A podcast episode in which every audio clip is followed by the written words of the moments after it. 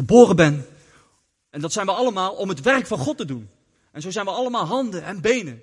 Dat kunnen we alleen begrijpen als we in relatie leven. Als de Heilige Geest ons roept en zegt, ga ervoor. En uh, ik zag Raymond zitten. Waar, waar, ben je Raymond? Is die er niet? Raymond. Hé hey, Raymond. Raymond, jij brandweerman op, achter op je shirt staan hè? Maar waag het niet om de Heilige Geest vandaag te blussen, oké? Oké. Nee, grapje. Maar als we ervoor gaan, dan komt Gods vuur, zijn geest en je maakt dingen mee. Je gaat, gaat het beleven vanuit een kinderlijk geloof. Dan zijn er natuurlijk christenen die, die misschien, of, of mensen die niet geloven, die dat, daar niet voor openstaan. En laten we eerlijk zijn, dat kan ik enigszins wel begrijpen. Toen ik net tot geloof kwam, toen werd ik meteen aangeraakt. Maar ik zag ook dingen om mij heen gebeuren, dat ik dacht van, weet je wel, wow, wat is dit dan voor gekke bende? Maar ik, ik stootte het niet af. Ik dacht wel van, heer, als dit van u is, laat het zien. En dat doe ik vaker. En de Heer laat het zien, omdat hij een relatie met ons aan wil. Hij wil laten zien, alleen ik maak van jullie die persoon die je moet zijn. Maar dat kan alleen als je in relatie leeft. In overgave leeft, in de Heilige Geest en je voor laat bewegen door zijn liefde. Maar die kunnen wij alleen verstaan als wij weten wie wij zijn. Maar vaak weten we dat lang na niet. En ook als je een beetje achterkomt wat je roeping is, dan weet je het nog niet. Het is altijd een avontuur. En uh, volgende week is er weer een evangelisatieactie. En dat is ook een avontuur. Dus leven met God is één groot avontuur en spannend. En ik wil zo gewoon zeggen dat wij hier dus zitten. En ik wil bemoedigend zijn naar ons allemaal en naar mezelf. Omdat God zegt, ik heb jullie geroepen Jullie zijn mijn volk door Jezus Christus. Mijn geest vertrouw ik jullie toe. Maar jullie moeten getraind worden, want ik wil jullie zoveel geven. Zoveel. Maar kan je het aan? Ben je al betrouwbaar genoeg ook? Om heel veel te mogen doen, om te betekenen. Want als wij het zout der aarde zijn en het licht mogen uitstralen van de Heer Jezus, moeten we ons ook gedragen. Hoe de Heer wilt dat we gedragen. Maar we zijn allemaal mensen, en in de Bijbel staat ook, een rechtvaardig man zal zeven keer vallen maar ook weer zevenmaal opstaan. Daar mogen we ons ook aan vasthouden. Dus op het moment, als je valt en je wordt beschuldigd, je krijgt, ja, misschien van jezelf of misschien wel van de boze, allemaal gedachten van, je bent het niet waard, zie je wel, je kan het niet. Kan dat nooit van onze lieve Vader zijn? Kan het nooit van Jezus Christus zijn? Kan het nooit van de Heilige Geest zijn die in jou woont? Want die zegt, kom op, ga ervoor. Loop met mij mee. Ik wil zoveel in jouw leven doen. Ik wil het je laten zien. En misschien ben je wel op een plek die niet van God lijkt, maar het is wel van God. Je bent, zoals Jezus ook in een woestijntijd zat, word jij ook misschien wel, ja, hoe noem je dat, beproefd of misschien wel gelouterd of getest, zodat je mag wandelen daar naartoe wat God jou wilt geven. En soms heb je, ik denk dat we dat allemaal misschien wel hebben, een profetie over je leven gehad. Een belofte over je leven gehad. God is zo groot dat hij het soms bevestigt door mensen heen, door dromen heen. Dat je misschien hoort. Noem het maar op. Ik geloof in die dingen. Ik geloof dat ik een levende God ben. En dat hij soms ons wil aanraken vanuit relatie. Dat hij ons wil aanraken door ons in vuur te zetten. Dat hij ons wil aanraken omdat hij zegt, ik ben niet ver weg. Ik wil mij kenbaar maken. En ik, weet je wat hij zegt? Ik ken jou nog beter dan dat jij jezelf kent. Want ik denk heel vaak dat ik bang ben. Oh, durf ik niet. Oh, ik ben zenuwachtig. En dan komt de Heer weer op mijn niveau. Laat hij ook dingen zien die ik vroeger ook dacht niet te kunnen en toch kon. En dan word ik door bemoedigd. Ik heb hier laatst, toen de getuigenisdienst was, wat verteld. En dat was leuk. Ik weet niet meer of Rick of Arnoud of, of Raymond of wie dan ook. Die kwam naar mij toe en die zeiden... Ja, we dachten van, oh leuk wat je meemaakt. En nu ga je het vertellen. En toen was je klaar. En toen, uh, toen dacht ik, ja, ja oké. Ja, maakt niet uit. Ik heb gedaan wat ik moest doen. Maakt niet uit, zal wel goed zijn. Maar dat klopte. Soms doet de Heer wat in ons leven. Soms geloven we niet meteen dat het van de Heer is. Dan komt de Heer af en toe weer terug met diezelfde, uh, uh, hoe zeg je dat? Diezelfde ja, roeping of die opdracht of hoe je het ook wil noemen. En als je het eenmaal doet, ja, dan denk je oké, ik heb het gekregen. Maar ook nog een tijd later komen er nog meer puzzelstukjes bij. Dat is zo mooi. Dat is een avontuur dat je ziet dat de Heer alles onder controle hebt. Het enige wat wij moeten doen is proberen geen vertraging in ons leven te krijgen en gewoon alleen maar zeggen, Heer, ik heb mijn leven aan u gegeven. Ik heb mijn leven dus op het altaar gezet. Heilige Geest, u woont in mij. En ik weet het niet. Ik wil niet Grieks of Joods denken. Ik wil door u gedachten krijgen, Heilige Geest. Dat is de waarheid. En dan kan ik mij voortbewegen uit relatie. Waarom zeg ik dit? Ik had toen een getuigenis verteld over dat ik, toen ik net tot geloof was, kwam, ben, toen hoorde ik heel duidelijk in mijn hart iets groeien van, ga de straat op en lees gewoon uit de Bijbel in de stad. Mensen moeten dit horen. Ik was zo verliefd op Jezus en ik denk, wow.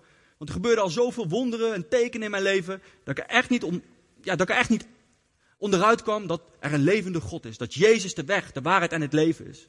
En ook dit heeft voor mijn zoon diepe be bewegenheid, betrokkenheid gekregen. Want wanneer Jezus zegt, ik ben de weg, zeg hij eigenlijk, hè? ik heb dat ook in een filmpje gezegd, dat hij dat laat zien eigenlijk. Als je in een auto zit en ergens heen wil rijden, moet je naar die plek. Moet je op een weg gaan. Jezus is die weg.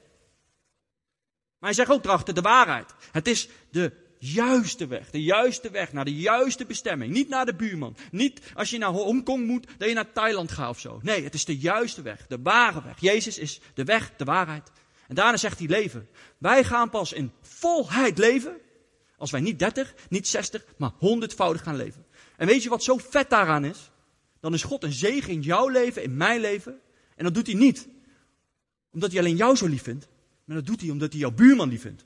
Omdat hij de, van de moslims houdt. Omdat hij van, van een atheïst houdt. Dat, hij houdt van iedereen. Ik zeg wel eens, een hond wordt niet vals geboren. Vaak wordt een hond niet vals geboren. Als een hond vals is, dan moeten we maar eens kijken hoe die hond behandeld is. Vaak is die geslagen of uh, geen liefde gekregen, niet geaaid, in de fik gezet, noem het maar op, gekke dingen. Zo werkt het ook bij ons mensen. Ik zelf heb dat ook. Ik heb ook veel genezing nodig. Maar ik zie het ook om me heen. Dat sommige mensen lastig hebben om een relatie te wandelen met de Vader. Om te luisteren naar de Heilige Geest. Als de Heilige Geest spreekt, dat je denkt, nee, ik ben het niet waard. Nee, nee, nee, dat kan nooit van God zijn, want ik ben Pietje of ik ben Klaasje of ik ben Edward maar. Dat is een leugen. Dat is ook een hele slimme strijd die de tegenstander uh, weer wilt aandoen. Vanuit jouw voorgeschiedenis, vanuit de voorgeslacht en noem het maar op. Maar de Heilige Geest zegt, in, de, in het woord staat, en dat vind ik zo mooi, Galaten 5, daar staat het ook. Daar staat, als wij tot levend geloof komen en we laten ons besnijden, dan moeten we aan alle wetten houden omdat we dan weer zeggen, Heer, wat u heeft gedaan was niet genoeg. Ik doe er een schepje bovenop. Toen ik een kickbokser was, toen moest ik het helemaal zelf doen. Ik moest zorgen dat ik op gewicht was. Zorgen dat ik genoeg at. Zorgen dat ik steeds beter werd. Alles moest ik alleen doen. Maar nu ik met God wandel, hoef ik niks meer alleen te doen. Mag ik alleen maar luisteren, gehoorzamen en steeds meer genieten. Maar soms moeten we ook in God gaan geloven. Dan moeten we geloven dat de Heilige Geest soms dingen van ons vraagt die wij niet kunnen begrijpen of zelfs niet kunnen geloven dat we Gods stem hebben gehoord. En dus toen ik net tot geloof kwam, dacht ik, ja, ik ga de Bijbel voorlezen. Maar dat, dat durfde ik niet en ik, ik, vergat dat ook. En op een gegeven moment heb ik dat eigenlijk helemaal losgelaten om dat te gaan doen. Maar een paar maanden geleden, op een dinsdag, en de volgende dag zou ik naar een conferentie gaan, pressensconferentie in Nijkerk. En toen liet de Heer weer dingen zien. Want ik was in de stad en ik hoorde ineens iemand in het Frans het evangelie verkondigen. Ik kan helemaal geen Frans verstaan. Maar de Heilige Geest zei tegen mij, kijk, dit is. En ik keek, ik dacht, ik moet die, ik moet die man spreken. Ik, ik, ik moet naar hem toe. Ik moet me bevestigd ook voelen dat dit inderdaad het evangelie van Jezus was. En ik liep erheen. En die man die zag me, hij doet de Bijbel dicht en hij loopt weg. In de stad. Mensen waren aan het lachen, stonden eromheen. Maar ik dacht, ik moet achter hem aan. En ik wist niet dat hij uh, ook Nederlands sprak. Dus ik schreeuwde, mister, mister. En na een poosje stopte hij. En hij zei, je kan ook Nederlands praten tegen mij. Dus ik begreep er helemaal niks van. Ik zeg, uh, het was een donkere man. Ik zeg, meneer, waarom spreekt u dan in het Frans en, en niet in het Engels of Nederlands? Want ik geloof dat u over Jezus had. Hij bevestigde dat ook. Maar ik begreep niet waarom in het Frans dan. En toen vertelde hij aan mij, luister Edward. Of luister, hij wist niet mijn naam, hij zegt gewoon luister. Hij zegt luister, als wij de tv aandoen, dan zijn er gigantische, mooie verhalen over Jezus. Maar als je het niet wil horen, dan zep je weg. Er moeten mensen opstaan en in de stad het evangelie gaan vertellen. Als dat niet gebeurt, ja, wie, wie hoort dan het evangelie? Dat was zijn antwoord. En dat, dat raakte mij op een manier. Op een manier dat ik dacht van, wow, deze man is een held. Hij vernedert zich. En ik, ik, ik heb mijn naam gegeven, mijn telefoonnummer. Ik zeg, laten we een keer verder praten. En toen ja, waren onze paden gescheiden. En de volgende dag ging ik dus naar pressingsconferentie. En er waren tot mijn verbazing heel veel predikanten, een stuk of twee, misschien wel drie, die in het Frans gingen prediken. En bij, bij één prediking moest ik een headset halen, omdat het alleen in het Engels werd vertaald. En toen dacht ik ook weer bij mezelf, wat is dit apart zeg. Wat is dit apart. Ik kom een paar dagen geleden dus een Fransman tegen. De volgende dag zie ik dat heel veel Fransen zijn. En dagen later moet ik hier als gast het Franse taal laten vertalen. En ik werd dus meegenomen weer wat de Heer wilde laten zien. Het kwartje viel ook wel. Ik zei, dit is geen toeval Heer. Wat laat u mij hier zien? En de allerlaatste avond, Matthäus van der Steen ging spreken over uh, Holy Spirit Night, als ik het goed heb heet dat. En er waren allemaal mensen, waren misschien wel, nou, duizend man, ik weet niet, het was echt heel druk. En hij zei, mensen, God houdt van ons allemaal. Maar vanavond mogen alleen mensen op het podium komen die Franstalig spreken en in Franse continenten wonen. En ik dacht weer meteen, wat is dit? En hij waarschuwde, dit is heilig grond. Alleen Franstalige continenten mogen nu naar voren komen. En ik stond daar en ik zag mensen aangeraakt uh, worden. Ik zag, ik, ik, zag van alles. Ik zag hoe, de, hoe, hoe Gods geest aan het werk was. En uh, ik kan het niet verklaren. Maar het enige wat ik wist was, Heer, wat wilt u hier ook aan mij laten zien? En er ging een week voorbij. Nog een week. En op een gegeven moment was ik buiten aan het evangeliseren. En ik voelde me verdrietig. Ik geloof dat de Heilige Geest verdrietig was. En ik snapte er niks van. Ik zeg, lieve Heilige Geest, waarom voel ik me verdrietig? Ik ben toch aan het evangeliseren? Toen zei hij, ga de Bijbel voorlezen. En toen dacht ik, dat durf ik niet. Dus ik zei eerlijk, moet dat? Mag het niet anders? Ik, dat wil ik niet. En toen zei de Heilige Geest tegen mij, ga mij drie dagen opzoeken. En ik zeg, waar moet ik dan naartoe gaan? Ik weet geen eens waar ik naartoe moet gaan. Ik vind het eng. En toen moest ik huilen. Gewoon op straat. Ik dacht, oh jee, dit wil ik niet. Toen ben ik naar huis gegaan. Mijn vrouw was thuis. En ik heb echt gehuild bij haar op schoot. En ineens ook allemaal, ik miste mijn vrouw, ik miste mijn gezin, ik miste van alles. Ik voelde me helemaal verdrietig. Ik had een knuffel nodig.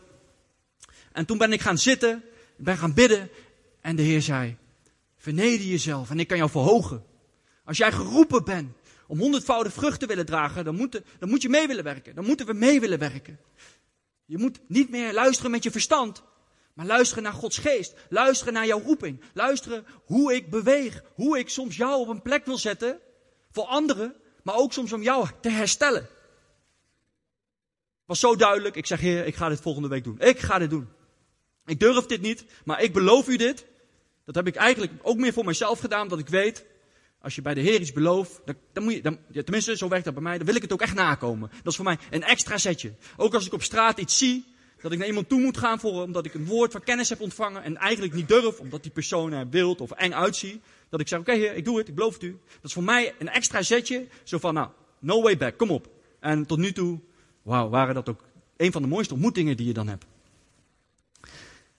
Ik moet niet meer vertrouwen. Wij moeten niet meer vertrouwen op ons verstand. We moeten vertrouwen geheel met ons hart op God. En als de Heilige Geest iets zegt wat jij niet begrijpt, natuurlijk mag je om bevestiging vragen. En mag je toetsen. Maar ik kom erachter, niet altijd, maar vaak wel, dat de Heilige Geest soms dingen van mij vraagt die ik niet begrijp. En uiteindelijk dat ik in een situatie terechtkom waar ik moet zijn. Of naar die persoon gaan denken, moet ik dat zeggen? En nou, dat ik echt denk, dat dat woord zoveel voor jou betekent.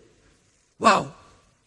Maar ik had dus afgesproken, ik ga het evangelie vertellen. Heer, waar moet het?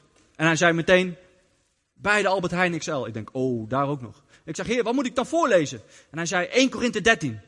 En mijn eerste gedachten waren, oh, 1 Korinthe 13 heeft maar 13 versen. Oh, dank u wel dat het niet Psalm 119 is of zo.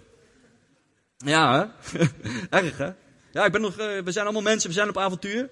Maar dit was voor mij al een hele opdracht. En uh, het was maandag, ik stond onder de douche en het vuur begon omhoog te komen. Ik, ik, ik, ik, moest gewoon de straat op. Ik moest naar de Albert Heijn XL. Ik moest het evangelie verkondigen. En toen gebeurde er iets wat ik nog nooit had meegemaakt. Dat was to, toen ik dus eventjes op de slaapkamer me terugtrok en de gedachte kreeg, ik ga even 1 Korinthe 13 uh, hardop uh, voorlezen, uh, klokken hoe lang het duurt, zodat ik weet, hoe, zo, ja, hè, gewoon gevoelsmatig, dat ik gewoon er klaar voor ben, weet hoe lang het duurt, dat, ja, noem het maar op. En ik ben op de helft en ineens hoor ik gewoon in mijn slaapkamer keihard, en ik schrok heel erg. Maar tegelijkertijd dacht ik, nee, ik ben het woord van God aan het verkondigen. Dit is een aanval, ik laat me niet belemmeren, ik ga door met lezen. Dat was al de eerste overwinning eigenlijk. Dat ik gewoon doorging. Daarna ook gebeden en toch voor mezelf natuurlijk even toch gereinigd en et cetera. Maar toen ik uh, bij mijn schoonmoeder was om even mijn zoon Jordan bij haar te brengen en vertelde van, ik ga nu daarheen. Mijn ma zei, mijn schoonmoeder zei, als God je roept, moet je gaan. Mijn vrouw zegt dat ook, als God je roept, moet je gaan. En ik ging.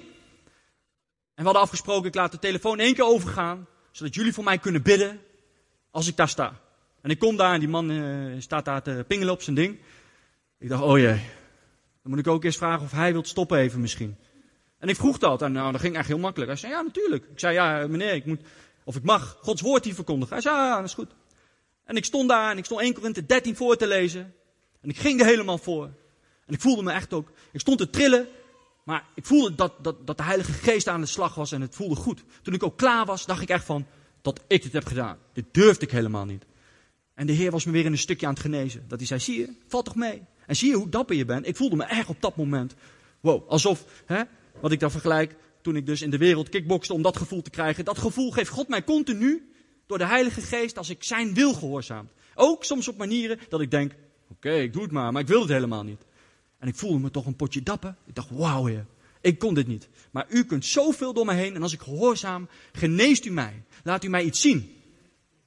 Nou, dit stukje had ik toen getuigd. Maar er ging een paar weken overheen en toen was ik thuis in bed. Het was nog niet zo heel laat, maar mijn vrouw sliep al. En ik was aan bidden. Ik, ik, ik wilde niet naar een hele lange preek luisteren. Dus ik zeg, Heer, ik wil nog eventjes iets kijken op YouTube. Kunt u mij leiden om iets ja, te ontvangen van u? En ik kwam ineens op een man die ik niet kende. En die heel veel korte filmpjes heeft op YouTube. Echt, hij heet Clayton Jennings. Onthoud zijn naam, hij is echt wow. En hij had een preek van vijf minuten die heet When I Became a Man. Ik denk, nou, wat is dat? Klik.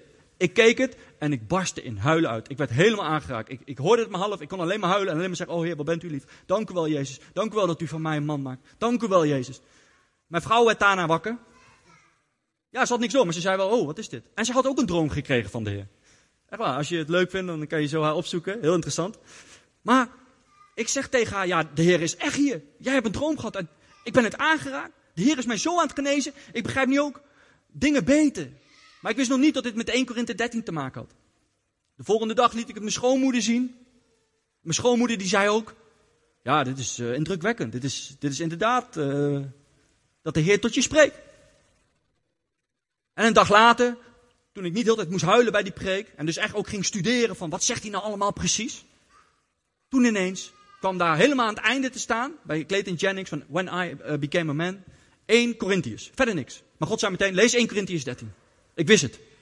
En ik weet nu, omdat de Heilige Geest mij dat heeft verteld, dat hij de inspiratie uit 1 Corinthians 13 vers 11 heeft gehaald. Want daar staat, toen ik nog een kind was, praatte ik als een kind. Reageerde ik als een kind. Dacht ik als een kind. Maar nu ik een man ben geworden, heb ik de kinderlijke manieren van doen weggedaan. Weet je wat Jezus zei? En dat is ook een boodschap wat ik tegen jullie wil vertellen. Alleen Jezus maakt van ons mannen. Alleen Jezus maakt van ons vrouwen. Als wij het zelf gaan doen, in mijn geval was mijn identiteit ook op straat. Oh, dat is Edward. Hij kickbox bij KB Brummen. Dat was mijn identiteit. Ik was een kickboxer en ik was er geen eens blij mee. Voelde me juist soms dat ik me moest bewijzen. Als er iemand was van een andere kickboxschool, dat ik hem een lesje moest leren. Zulke gekke dingen. Maar nu ik met de Heer wandel, overlaat hij mij ook soms met adrenaline en met geweldige dingen en hele avontuurlijke dingen. Mijn leven is eigenlijk pas begonnen sinds ik met de Heer leef. Toen leefde ik alleen maar na s'avonds trainen en nu leef ik de hele dag. Zelfs als ik soms buien heb dat ik me niet fijn voel, draagt hij mij daar doorheen. Waar ik eerder soms dagen van slag van was, ben ik nu helaas soms nog steeds van slag. Maar duurt het niet langer dan een dag of misschien maar een minuut of een uur. Omdat ik weet dat de Heilige Geest de waarheid is Omdat God heeft geopenbaard in ons leven dat Hij van jou houdt. Dat de Heilige Geest zegt, zijn deze gedachten van jezelf of misschien van, van de tegenstander? Ik wil eigenlijk ook iets vragen aan jullie, omdat, omdat we weten dat we geroepen zijn. Dat staat in de Bijbel. Het is geen toeval dat wij leven samen met de Heer. Dat we hebben gekozen om gedoopt te worden en te zeggen: Heer, hier ben ik. Heer Jezus, vul mijn leven, want ik ben van u. Ik moest ook vanochtend denken aan dat nummer van uh, I'm yours and you're mine. Ik weet niet of dat ook de titel is, maar dat zegt hij dan. Raymond, is dat de titel van dat liedje? You're yours and I'm, yeah? you're mine and I'm yours. Weet je wel? Maar niet uit. Ja? Ja, yours. Zo indrukwekkend. Dat voelde ik, dat ervaarde ik, dat het zo is. Ik, wij kunnen eigenlijk niet meer terug. Heel dapper van Sapide. Zij kan niet meer terug. Zij heeft gekozen. Zij weet nu wat de weg, de waarheid en het leven is. Omdat de Heilige Geest laat merken. Elk mens heeft herstel nodig. En de enigste wat nodig is, is liefde. En soms laat de Heer wat aan, aan, aan, aan, aan ons zien waar de ander nog niet klaar voor is. En dan moeten we handelen zoals Jezus wil dat je handelt. Niet gaan wijzen zoals de fariseeërs. Nee. Ook al is dat een junk. Ook al is dat een prostituee. Ook al is dat een moslim. Nee, help die persoon. Een paar maanden geleden was ik bij de Jumbo. Ik zag daar een donkere jongen staan met een tank getatoeëerd op de wang, helemaal onder de tattoo, schouwe tand. En ik zag niet wat mijn verstand me liet zien. Ik werd ontroerd. Ik zag dat Jezus van hem hield. Ik dacht, wow, Jezus houdt van jou. Dat was echt wat ik dacht in de Jumbo. En uiteindelijk stond ik ook achter hem in de rij en het brandde in mij om dat te zeggen tegen hem. Maar ik deed het niet. Toen had ik afgerekend en ik wist niet hoe snel ik moest rennen om hem in te halen om dat te zeggen. Ik heb gezegd, hé, hey, Jezus houdt van je. En weet je wat hij zei? Weet ik. Ik dacht bij mezelf, oké, ik heb gedaan wat ik moest doen. Het zal wel. Was dit het? Een paar maanden later heb ik eindelijk contact met, mijn, met, met uh, een, een overbuurjongen die schuin tegenover naast Sjaan in de flat woont. Brian heet hij. Was eerst christen, is nu moslim. En ik kan geweldig met die gast vinden. Hij is echt ook een voorbeeld voor mij hoe hij omgaat met mensen. Echt een heel lieve jongen. Maar als je, als je ook met hem gaat praten en hoort wat hij allemaal heeft meegemaakt. Wow, echt waar. Ga je haar recht van overheid staan. Zo'n jonge gast. En ik ben bijna twee of drie uur met hem in gesprek geraakt. En ik zag hoeveel Jezus van hem hield. Maar ik zag ook wijsheid. Bouw relatie met hem op. Ga niet meteen over Jezus beginnen. En nu als ik hem tegenkom, krijg ik een knuffel van hem. Eergisteren gebeurde er ook iets machtigs. Ik, ik, toen het niet goed met mij ging, daarom de Heer is er altijd. Toen ik de Heer nog niet kende en ik moest naar dagbesteding omdat ik er helemaal doorheen zat, levensmoe was, noem het maar op, ontmoette ik daar een donkere Afrikaanse man. Hele lieve man. Hij vertelde zijn verhaal, trouwens ook een moslim. Hij vertelde zijn verhaal wat hij allemaal had meegemaakt en ik dacht alleen maar, yo, en je komt altijd zo enthousiast en lief en, en, en gemoedelijk en enthousiast over. Ik denk, hoe is het mogelijk? En dan ga ik een beetje hier raar voelen, hoewel ik eigenlijk niks te, hoe zeg je dat, ja, ja ik, ik, wat hij heeft meegemaakt en altijd zo lacht, hoe kan ik me navoelen? Weet je wel? En op een gegeven moment raakte ik bevriend met hem. En dat is meer dan drie jaar geleden. En nu nog steeds, kom ik hem steeds tegen. En ik ben alleen maar relatie aan het bouwen. Soms komt hij zelfs naar compassie. En hij weet dat ik christelijk ben, maar hij komt gewoon een kopje koffie met mij drinken omdat hij mij tof vindt. En omdat ik hem tof vind. En niet meteen over Jezus begin. En eergisteren kom ik hem tegen bij de Jumbo, hoewel ik met Brian aan het praten ben. En hij zegt tegen mij, hey, ik wil stoppen met roken. Wil jij voor mij bidden? Voor het eerst in mijn leven dat een moslim naar mij toe komt, wil jij voor mij bidden? Ik wil stoppen met roken. En ik dacht alleen maar van, wow. En het wordt steeds meer bevestigd als wij niet wijzen, maar alleen maar zo doen.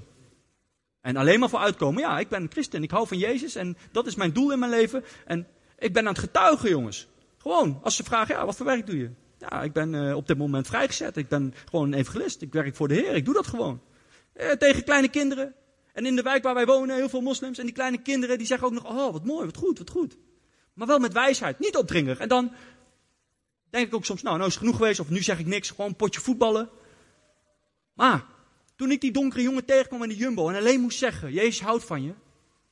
En die contacten kreeg met Brian.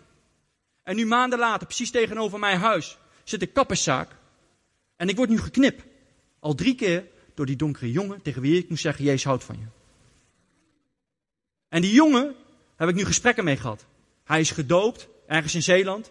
En toen hij in Doetinchem uh, woonde, ging hij naar Leef. Ging hij naar de gemeente Leef in Doetinchem. En natuurlijk heb ik ook gevraagd, kom eens hier. Maar ik zie ook veel gebrokenheid in hem. En dat hij herstel nodig heeft. En ik heb zelf echt niet veel geld of zo. Maar toch zegt de Heer tegen mij, geef hem wat. En de ene keer is het 10 euro. En de andere keer 5 euro. En dan zie ik die glimlach. En één keer heb ik meegemaakt dat ik hem 10 euro gaf, hoewel dat mijn laatste 10 euro was.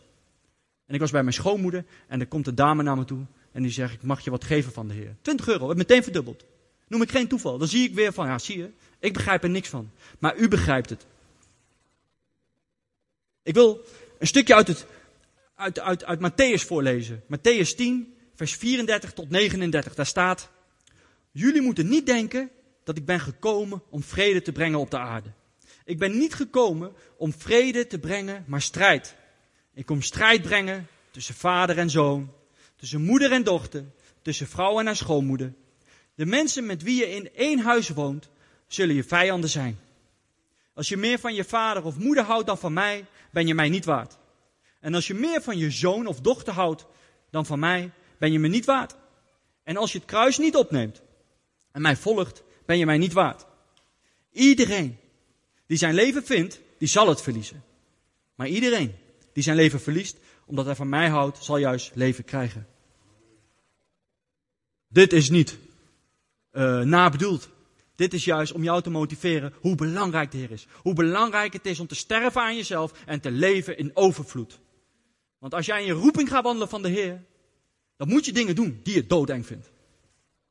Maar het is alles waard. En je gaat steeds meer zien, oh Heer, u maakt van mij een vrouw. Oh Heer, u maakt van mij een man. Hier ben ik voor geboren. Hier ben ik voor geroepen.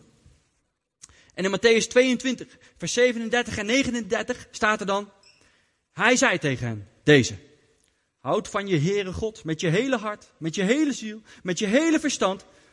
Dat is de eerste en belangrijkste wet. De tweede die net zo belangrijk is, is deze. Houd net zoveel van je broeders als van jezelf. Hier staat er weer. Zet Jezus op de eerste plek. Zet Jezus altijd op de eerste plek. En weet je waarom? Als wij. kijk, ik heb een tekst helemaal verkeerd begrepen, omdat ik dat niet heb gevraagd aan God. Omdat ik dat niet las en niet had gevraagd aan de Heilige Geest. Heilige Geest, want de Heilige Geest is onze leraar. Hij wil ons vertellen wat daar nou bedoeld wordt. Veel mensen raken van het geloof af, omdat ze niet kunnen geloven dat God liefde is. Dat, dat waar ze nu in zitten, dat het de bedoeling is van God. Maar als wij God lief hebben boven alles, dan gebeuren er ook andere dingen. Dan zeg je, Heer, ik wil een auto kopen. Is dit verstandig om te kopen? Laat het me zien. De Heer doet het. Maar ook, ben jij bereid om niet alleen zo te leven met de Heer, maar ook bereid om de Heer boven jouw leven te zetten, boven je vrouws leven te zetten en boven je zoons leven te zetten? Ik wel. Weet je waarom? Omdat God nooit, maar dan ook nooit egoïstisch is. Hij wil de zegen zijn in eerste instantie niet alleen voor jou, maar hij wil de zegen zijn voor jou, omdat hij van ons allemaal houdt. Omdat hij van ons allemaal houdt. Schatje, ik hou voor jou. maar als wij beseffen dat wij een zegen mogen zijn, en dan voor de rest een zegen mogen zijn, dan zeg je niet, Heer, kom niet aan mijn gezin, want die is van mij. Nee, dan zeg je, Heer, ik kan geen goede man zijn voor mijn vrouw. En ik weet dat ik dat niet kan. Heer, ik heb haar van u gekregen. Help mij. Heer, ik heb een kind van u gekregen. Ik kan hem niet opvoeden. Daarom draag ik hem aan u op. Wilt u mij helpen om hem op te voeden? Want ik kan het niet. En soms bid ik zelfs over mijn zoon van Heer, laat hem uw stem zo verstaan dat als ik hem niet begrijp, dat het nog uw wil is. Ik hoef het niet te begrijpen wat mijn zoon later doet, als het maar van u is. Maar leer mij wel dat te begrijpen. Als wij echt zo gaan beseffen om te leven, dan wordt alles steeds duidelijker. Toen ik net tot geloof kwam, 28 jaar lang zonder de Heer gewandeld, wel spiritueel bezig geweest en vast wel dat er wat was. En ik bad ook wel eens tot Jezus. Maar ik had geen relatie. Ik leef, beleefde een religie. Als ik dan de Bijbel las, dan was ik alleen maar psalmen, omdat die lekker kort waren. En als ik ze uh, aan, dat ging lezen, dan was dat ook vaak voor een kickboxwedstrijd, omdat ik zo nerveus was. Nou, uiteindelijk is dat al een wonder op zich dat ik dat deed, maar ik begreep er eigenlijk niks van. Dus alleen, ik moet iets doen wat ik niet wil, ik kan het niet aan en ik heb hulp nodig. Op die momenten wist ik God wel te vinden, maar ik verstond hem niet, omdat ik hem niet toeliet. En ik liet heel veel andere dingen toe. Maar op dit moment ben ik erachter gekomen dat 28 jaar lang een leugen was. En dat ik nu in de waarheid wandel en dat de Heer mij steeds meer dingen laat zien. En dat de Heer soms bij ons dingen doet die wij niet kunnen begrijpen. En dat wij misschien wel zeggen, dit kan nooit van, van, van, van God zijn. Nou, en als je dat hebt, is het ook verstandig om te gaan bidden, om te gaan lezen, om daarover na te denken. En als het echt van de Heer is, zal Hij opnieuw bevestiging geven. Door mensen heen, door dromen heen, noem het maar op. Het, kan, het is ongelooflijk hoe de Heer ons weet, uh, weet te bereiken. Voordat ik een verhaal wil delen hoe de Heer in de, in de Bijbel iets deed, toen ik dat las, niet kon begrijpen en letterlijk met mijn Bijbel omhoog stond en zei, en dat doe ik vaker, hè, als ik iets niet begrijp, dat ik gewoon zeg, Heer, leg dit maar uit, want ik weet dat u waarheid bent. En ik weet dat ik nu iets lees wat ik niet begrijp, omdat u mij iets wil vertellen. Vertel het me alstublieft, in Jezus' naam. En hij doet het. En dit is ook een verhaal dat ik nu steeds beter begreep, wat ik eerst niet begreep. Want de Heer is bereid soms om te offeren, omdat hij verder kijkt. Niet naar die situatie, maar kijk wat uit die situatie voorkomt.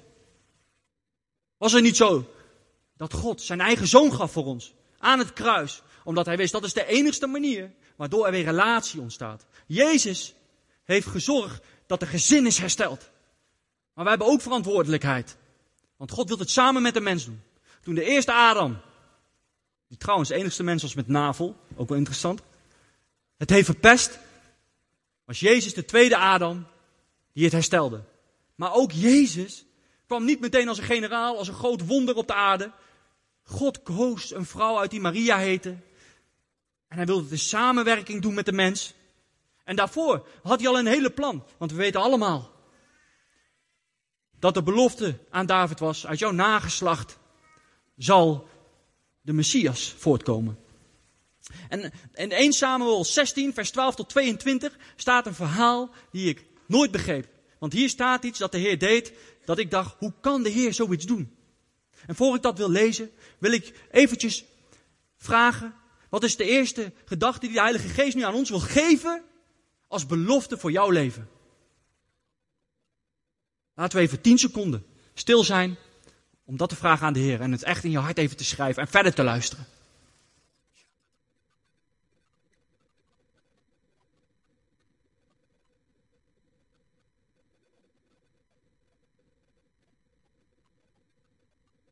Dank u, Jezus. En voor ik dit verhaal ga vertellen, wil ik jullie duidelijk maken dat God nooit, maar dan ook nooit, een leugenaar is. Nooit. De tegenstander zegt misschien tegen jou als je in een situatie zit. En misschien ben je wel op een plek dat je dacht, ja, maar hier moest ik toch zijn. Maar misschien bekijk je het met je eigen verstand. Maar zeg God inderdaad, op die plek moet jij zijn om getraind te worden, om gevormd te worden. Zodat je uiteindelijk op die plek de vruchten gaat dragen wat ik van plan ben. Ja, zoiets zou nooit in ons opkomen. Maar de Heer verzint soms zulke dingen. Doet soms zulke dingen. En dan mogen we doorgaan. Dan mogen we zeggen, mogen we proclameren. Al er duizenden aan onze linkerkant en tienduizend aan onze rechterkant. Ons zal niets overkomen. Want ik heb de God van Abraham, Isaac en Jacob aan mijn zijde. Ik ken Jezus en ik vertrouw op Hem en ik wandel in relatie. Want ik kan niet zonder Hem. Ik voel het nu niet, maar ik kijk niet met mijn gevoel.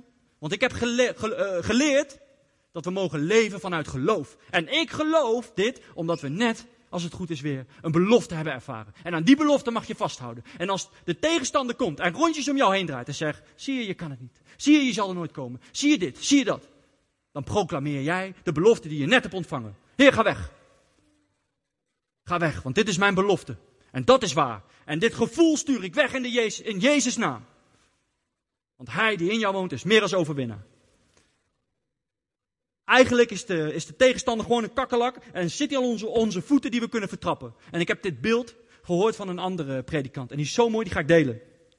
Misschien herkennen we het ook wel bij een eng spinnetje. Een heel klein spinnetje. Ja, ik durf wel, dankzij mijn zoon trouwens, nu spinnen te pakken.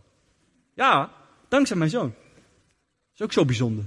Maar stel je voor, je ziet een spinnetje lopen en een zaklamp schijn je erop en dan zie je ineens een hele enge grote spin. Dat is de schaduw. Terwijl je eigenlijk dit kan doen. En zo is de duivel ook. Hij wil je bang maken, wil je intimideren. Hij laat zijn schaduw, zien op de, op de muur. En dan denk jij van, wow. En dan zie je hem in werkelijkheid. En dan denk je, was ik hier bang voor? Heeft dit mij tegengehouden? Dat is, dat is waarheid. Dat is waarheid. Want wij zijn meer als overwinnaars. En als wij naar ons doel willen gaan, kunnen wij dat nog niet aan. Omdat we misschien op een plek zitten die nodig is om gevormd te worden, om getraind te worden naar een godsman en een godsvrouw. Dat is de belofte in jouw leven. In mijn leven. En daarom hou ik zoveel van Jezus. Want hij geeft in overvloed. En, en, en, en, en hoe heet hij? Ja, dank u Jezus, dank u Jezus. Billy Graham zegt, we zijn op doortrek.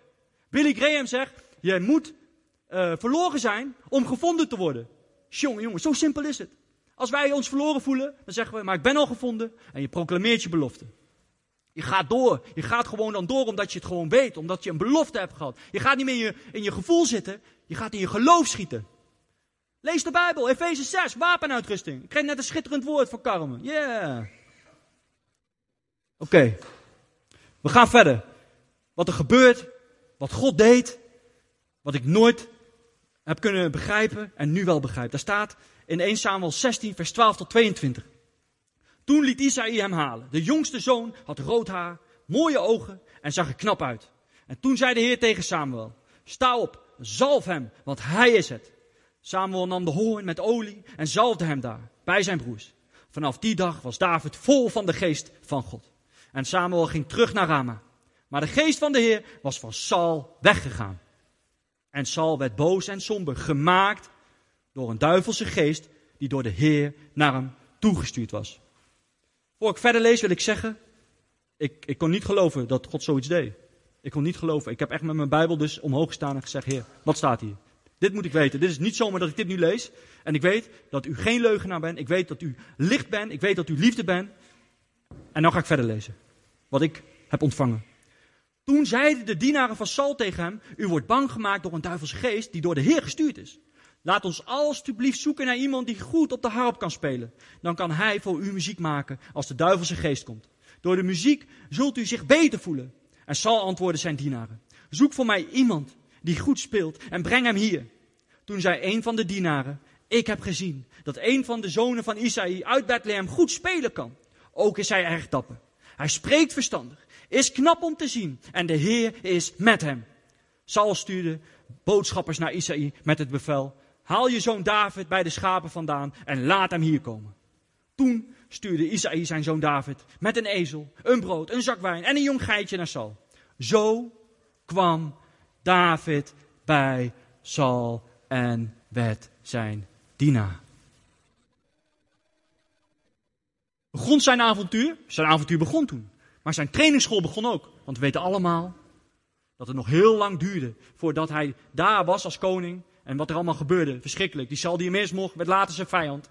Maar God deed iets wat wij niet begrepen, maar omdat hij wist, dit is een manier om de belofte die ik met de mensheid in vervulling zien gaan, bereid ben om iets te doen wat de mensen niet van mij verwacht, om daar die persoon, in dit geval David, te krijgen. En zo is het ook bij ons. Als wij in situaties zijn die wij niet begrijpen, die verschrikkelijk zijn, dat we ook soms wijsheid nodig hebben om misschien alleen maar te luisteren of om een knuffel te geven en niet te veel te zeggen. Maar zo is het ook als wij wandelen met de Heilige Geest. De Heilige Geest wil ons soms trainen op de plek waar je denkt, wat doe ik hier? Of hier moet ik toch zijn? Soms ziet het er anders uit als in werkelijkheid. En ik wil ook, omdat eigenlijk ook met de tijd, wil ik, wil ik hiermee afronden, want dit is toch wel de kern, om elkaar te bemoedigen dat de Heilige Geest soms dingen van jou kan verwachten. Of jou een belofte hebt gedaan. Dat je niet kan geloven dat het van God is. Maar blijf dicht bij die belofte. Want die belofte is de waarheid. En de enigste, als die belofte niet tot vervulling kan gaan, ligt niet aan God. Dat ligt echt aan jezelf. Omdat je niet bereid bent om dat te doen wat de Heer van je vraagt. Blijf op die smalle pad. Daarom is het belangrijk om het woord niet alleen te lezen, maar het, om het echt te beleven. Het is een levend woord die tot ons spreekt. En straks als je geraakt bent. Als je weer opnieuw gevuld wil worden. Als je je belofte in vervulling wilt zien gaan. Als je wat dan ook voor vragen hebt aan de Heer. Of bevrijding nodig hebt. Of noem het maar op. Kom straks in de hoek. Daar staan mensen die voor ons wil bidden. En dat we een zegen mogen zijn voor elkaar. Want daar gaat het om. En God is nooit, maar dan ook nooit een leugenaar. Amen.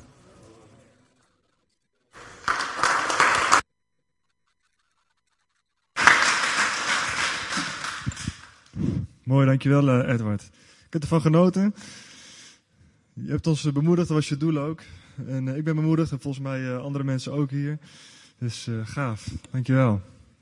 Goed, lieve mensen, we gaan nog één slotlied zingen. En daarna dan is inderdaad ruimte voor gebed. In de linkerhoek. En dan gaan we de dienst afsluiten.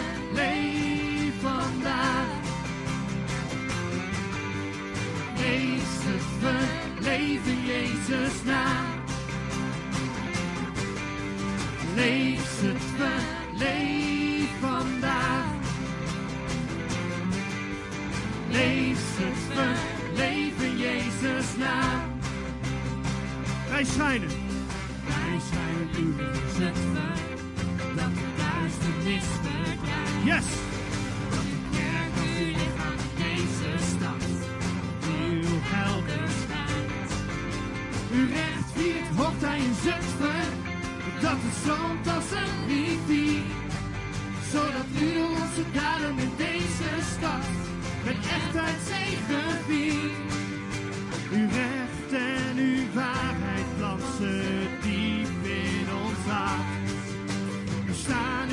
de pers bij u voor onze stad. Lees het verleef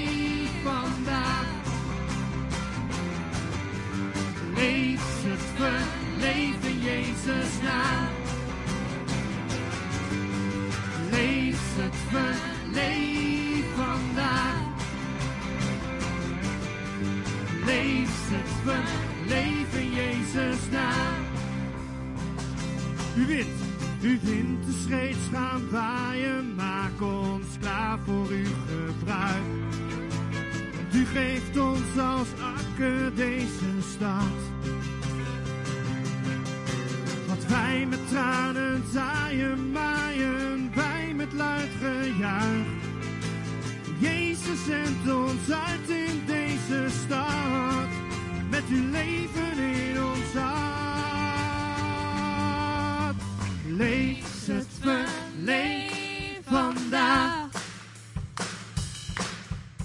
Lees het verleef in Jezus naam. Lees het verleef vandaag. Lees het verleef in Jezus naam. Roep het maar uit, proclamatie. Lees het ver, lees het verleef vandaag. Lees het ver, lees het in Jezus naam. Lees het ver, Lees het verleef vandaag. Lees het ver, lees het verleef in Jezus naam.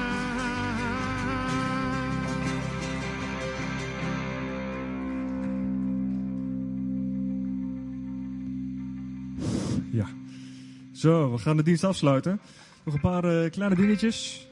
Um, voor de mensen die volgende week met de auto komen en de keren daarna. De parkeerplaats hierachter is eigenlijk alleen voor de mensen die eh, spullen moeten uitladen. Dus als je niks uit te laden hebt, even de auto verder wegzetten. Dan is er nog een, eh, een in het AZC hier. En die zoekt contact met christelijke jongeren. En dat gaat via Akkelien. Ik weet niet waar je nu bent. Nou ja, goed. Eh, er is op een oproep gedaan via Facebook. Dus als je denkt van hé, ik wil even met die jongen contact maken. Dan eh, kun je aanmelden via haar en dan kun je contact met hem leggen. En hij zoekt echt christelijke jongeren. Dus dat is misschien wel iets eh, voor een van ons. En eh, de laatste is, we hoeven dadelijk niet de stoelen op te ruimen. Dus de vloer is opnieuw gewakst. Dus ik kan dadelijk gewoon lekker gelijk aan de koffie. Wat een feest. Ja, zullen we gaan staan en de zegen ontvangen voor de aankomende week? Vader in de hemel, ik dank u voor uw genade, voor uw liefde, voor uw blijdschap die u geeft. Vader, ik zegen ieder in Jezus Christus naam. Dat ze u zullen herkennen en kennen en met u leven. En deze week gewoon lekker relaxed met u gaan wandelen en uitdelen, vader, op momenten dat het, dat het kan. Dat ze u zoeken, vader, om gewoon lekker intiem met u te zijn. Dank u wel dat u een God bent die dat ook wilt. Dank u wel voor alles. In Jezus' naam. Amen. Oké, fijne zondag en eh, tot volgende week.